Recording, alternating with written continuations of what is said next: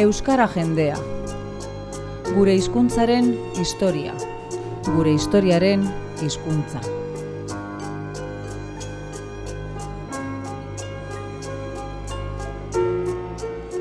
Izen bereko liburuaren egilea den Xamar ikertzaileak, Bilbo iria irratian Xavier Monasteriorekin, solasean pasarte laburretan aurkeztu eta azalduko diguna. Euskaldunok gure historia hobeto ezagutzeko.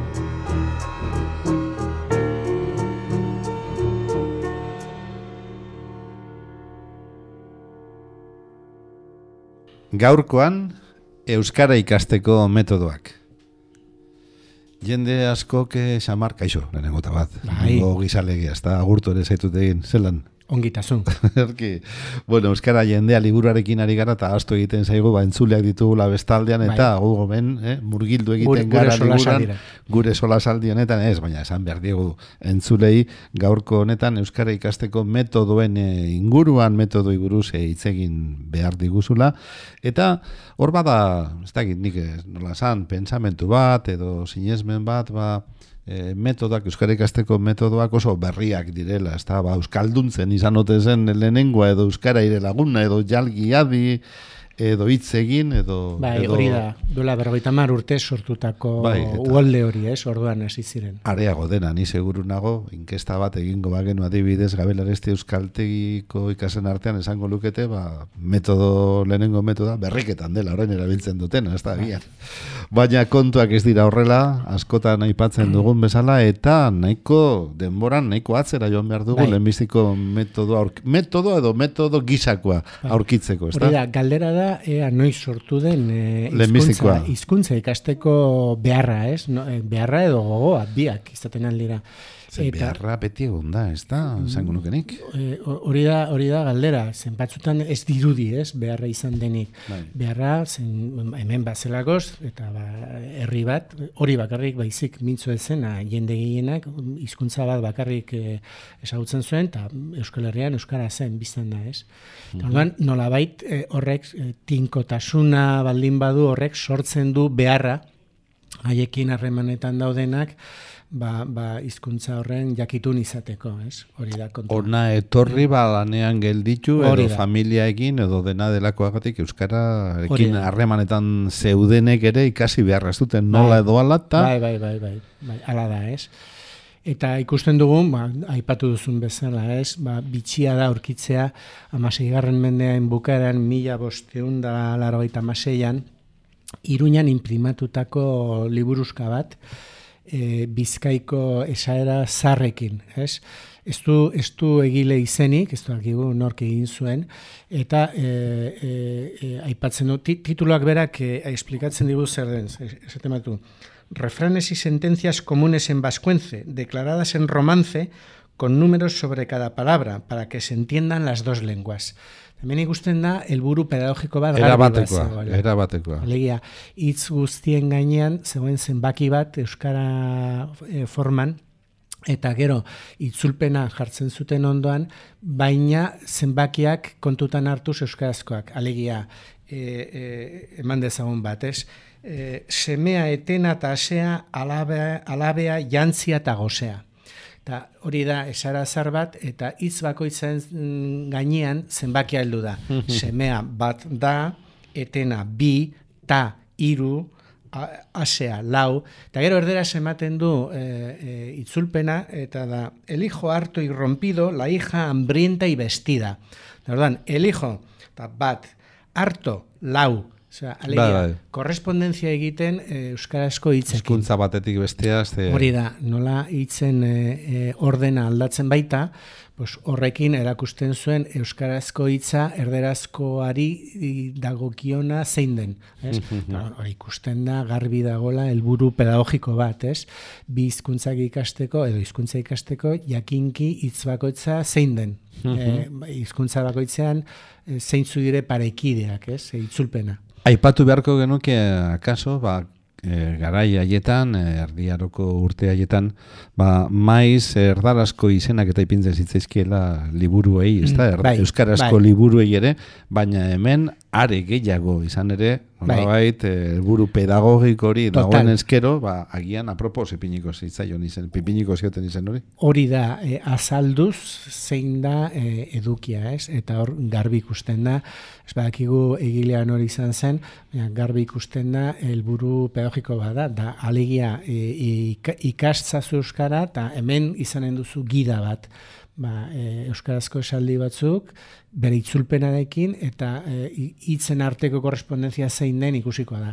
Orduan helburu garbi zegoen hor. Mhm. Beraz, hortxe daukagu gure lehenbiziko metodo gisakoa edo Euskara ikasteko balio izan ziona jendeari, jende arrotzari edo Euskara ikasi beharra zuten aiei baliagarri gertatu zitzaiena. Bagoaz bigarrenaren bila, beste bat aipatzera goaz, eta kasu honetan, gaskoi batek egindako lana aipatu behar dugu, gainera, hiru hizkuntzaren inguruan. Bai, e, urte batzuk beranduago, geroago, e, amazazpigarren mendean hasieran mila siriunda hogeian, aurkitzen dugu boltuak izeneko gaskoi bat, gaskoiak dira Baiona, Baiona iparraldean bizi direnak, elegia ja Occitania da hori, ez? Eta mintzo dira, mintzo ziren e, latinaren variante bat, frantsesa ez den variante batean. Eta gaskoi horrek ornun bait e, e, aferetan muitua zena, eta baionan ibiltzen zena, eta gara hartan baionan, ba, ba, ba, biztan da, Euskara behar zen, Espainola behar zen, eta frantsesa behar zen. Orduan, bururatu zitzaien, e, zitzaion egitea e, alako metodo bat, alako testo bat hiru hizkuntzetan. Eta deitu zion tresorra, eh? Alegia, altxorra, ez? E, frantsesez deitzen dena tresoa, e, treso de trois langues français, espagnol et basque. Eta Euskaraz deitu zion, e, mila da berrogeita beteko edizioan deitu zion, tresora irur lenguaietakoa, frantsesa, espainola eta eskuara. Obra ona eta necesaria nork desiratzen baitu erran den lengui horeintzat, eta baionan egina da. Ta, Obra da- necesario, gainera. Obra, Obra necesario. Eslago, eslogana bazeukan honek, eh, saltzeko. Ta, saltzeko hori marketing hutsa da, ez? Biztan da. Ta hor batez ere salerosketa munduko eh, eh, zeak dira, eh, ilkarrezketak dira. Orduan ikusten da hor boltoa hori, hau, hau da, komerziante bat, eta hemen hori da, helburua zen eh, saltzea, eh, baina Bai. biztan da, behar zen eh, maneiatu zenbait hizkuntzetan. Argi dago hor, nik eh, holan eh, zure hitzak eta entzun da tankera hartu diot gaur egun, ez dakit bidaia bat egiten dugularik eta edo porretan eh, gobazelarik eta alako sakela liburuzkak erosten Bai, ditugunak, ez da? ados, ados. Porta, portugesa Bai. edo frantsesa edo alemana Eta, eh, eta hain zuzen bakarrik erakutsiz e, e, turista batek behar dituenak, alegia Bai. jateko, loiteko, eta komunan nun dagoen, en fin, gauza necesario hauek guztiak. ondo, ondo. Ba, begira, eh, praktikoak eh, izan gara euskaldunok. Bai. Eta hirugarrena, hirugarrena aipatzera goazela, esan behar dugu Bizkaira gatozela eta hain zuzen ere Bilbora gatoz, Bai. Rafael Mikoletak idatzetako ba, metodo bat aipatu behar dugulako, Bai, ezta? mila da berrogeita mairo, zenbait urte geroago, eta kasu honetan ere Rafael Mikoleta e, e, zera, merketaritza mundukoa da. Hau, bitxia da ere ikustea Bilbo, Bilbo da, eta bazen garaitik ere hasita, eta e, e, hor nunbait iduri du, e, ba, idatzi zuen modo breve de aprender la lengua bizkaína. Modo breve de aprender. Orduan, azteko breve zen. Erra mauka, ezta? Bai, Modo- bai, bai. Gaur egun ikasle jakingo balute. Bai, modo- bai, bai. Gertatzen dena gaizoak ez zuela bere momentuan arrakasta hundirik izan, zen eh, eskoizkribua bakarrik egin zuen, ez? Etzen publikatu bere momentuan. Eta bitxia da, zeren iduri luke eh, eh, Samuel Sainhill, e, ingles batek eskatu ziola e, Mikoletari e, metodori egitea. Horritu beharra dugu, e, denbora, aspaldiko denboretatik Bilbok eta Bizkaiak, oroar, e, merkataritza munduan oso lotuta egon dela Inglaterrarekin. Bai, bai, bai, alaxe da. Bai. Eh, mehatze gintza eta industria, altzairua eta hori guztia aspaldikoa da. Eta harreman handiak zeuden. Eta iduriz eh, Samuel eh, Sainhill honek eh, eskatu zion eh, metodo hori idaztea. Ba, zuelako interesa Euskaraz ikasteko zerbait.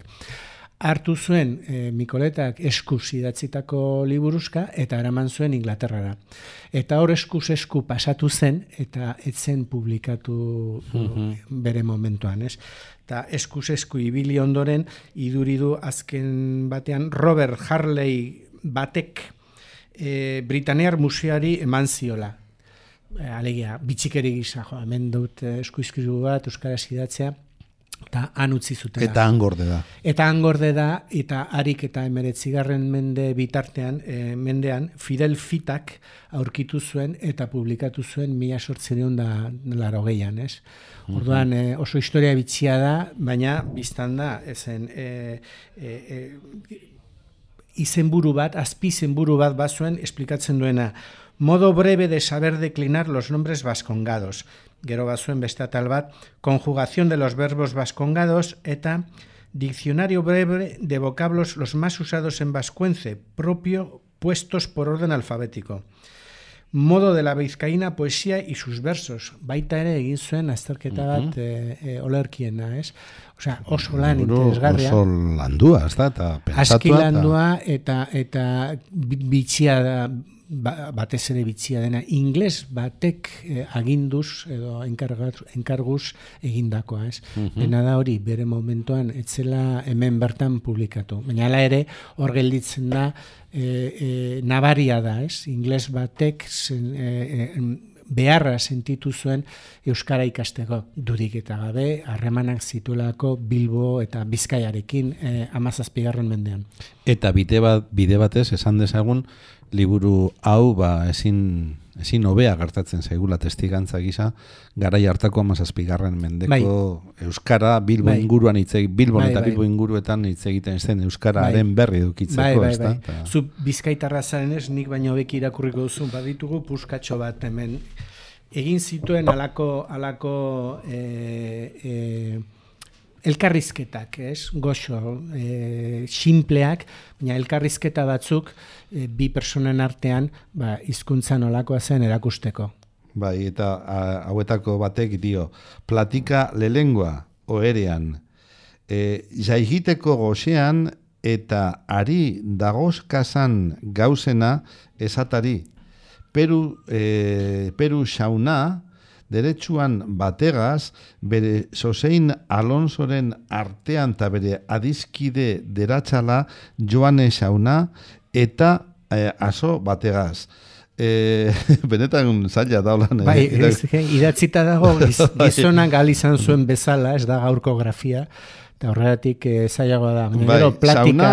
ba, platika hortan, edo elkarrezketa hortan, xauna, jauna. Bai. E, ze, ze ordu da, bostak jo daue, bostak jo daude, jo dabe, eh, esaten duguna bai. gaur egun. E, zaikora, irikizu arako bentanea eta eguna den ekuzu. Ekuzu, e, ikus, ez dazu. Eh? Bai. Hau da, e, zaikora, altzazaitez, irekizazu e, arako bentana, arako leio ura, eta eguna den argia den bai. ikuse ez dazu. Eh? Ez dugu komentario gehiago egingo, baina platika horrin elkarrizketa horrenak e, titula du oean. Alegia... Bai. Horrutziko. Ez dakigu utziko dugu hor zer egiten zuten bi hoiek e, oean. Ez? Eta hori merkatarien intereseko esan? Bai, ez da? Dudik eta gabe. Dudik eta gabe. Erki, bueno, ba, metodoen inguruan jardun dugu, minutu hauetan, Euskara jendea liburua aitzakiatzat eta oinarritzat harturik, askotan egiten dugun bezala, eta azken galdera e, nesesarioa da, hau ere, e, zein da Euskara ikasteko metodoriko nena, xabar? Nik uste metodiko berena da gogoa izatea, behin gogoa izanik, igual zaio metodoa zen e, lortzen alda helburua, ez? Txepetxekorri motivazioa ditzen zion, ez da? Ados, ados, hori da, motivazioa. Non erosten da, metodori? E, norbere baitan aurkitu behar du, hori da, laguntzen aldugu bilatzen, baina norbere baitan, hain erresa balitz, saltzeko modukoa balitz, e, dagoeneko aberatsak inateke, xabi. Euskara ikasteko metodorik onena, xamarren eta bion iritzian, motivazioa deritzona, norberaren baitan dagoena eta adarrasko eduki ezakena urrengo batera arte nagunok.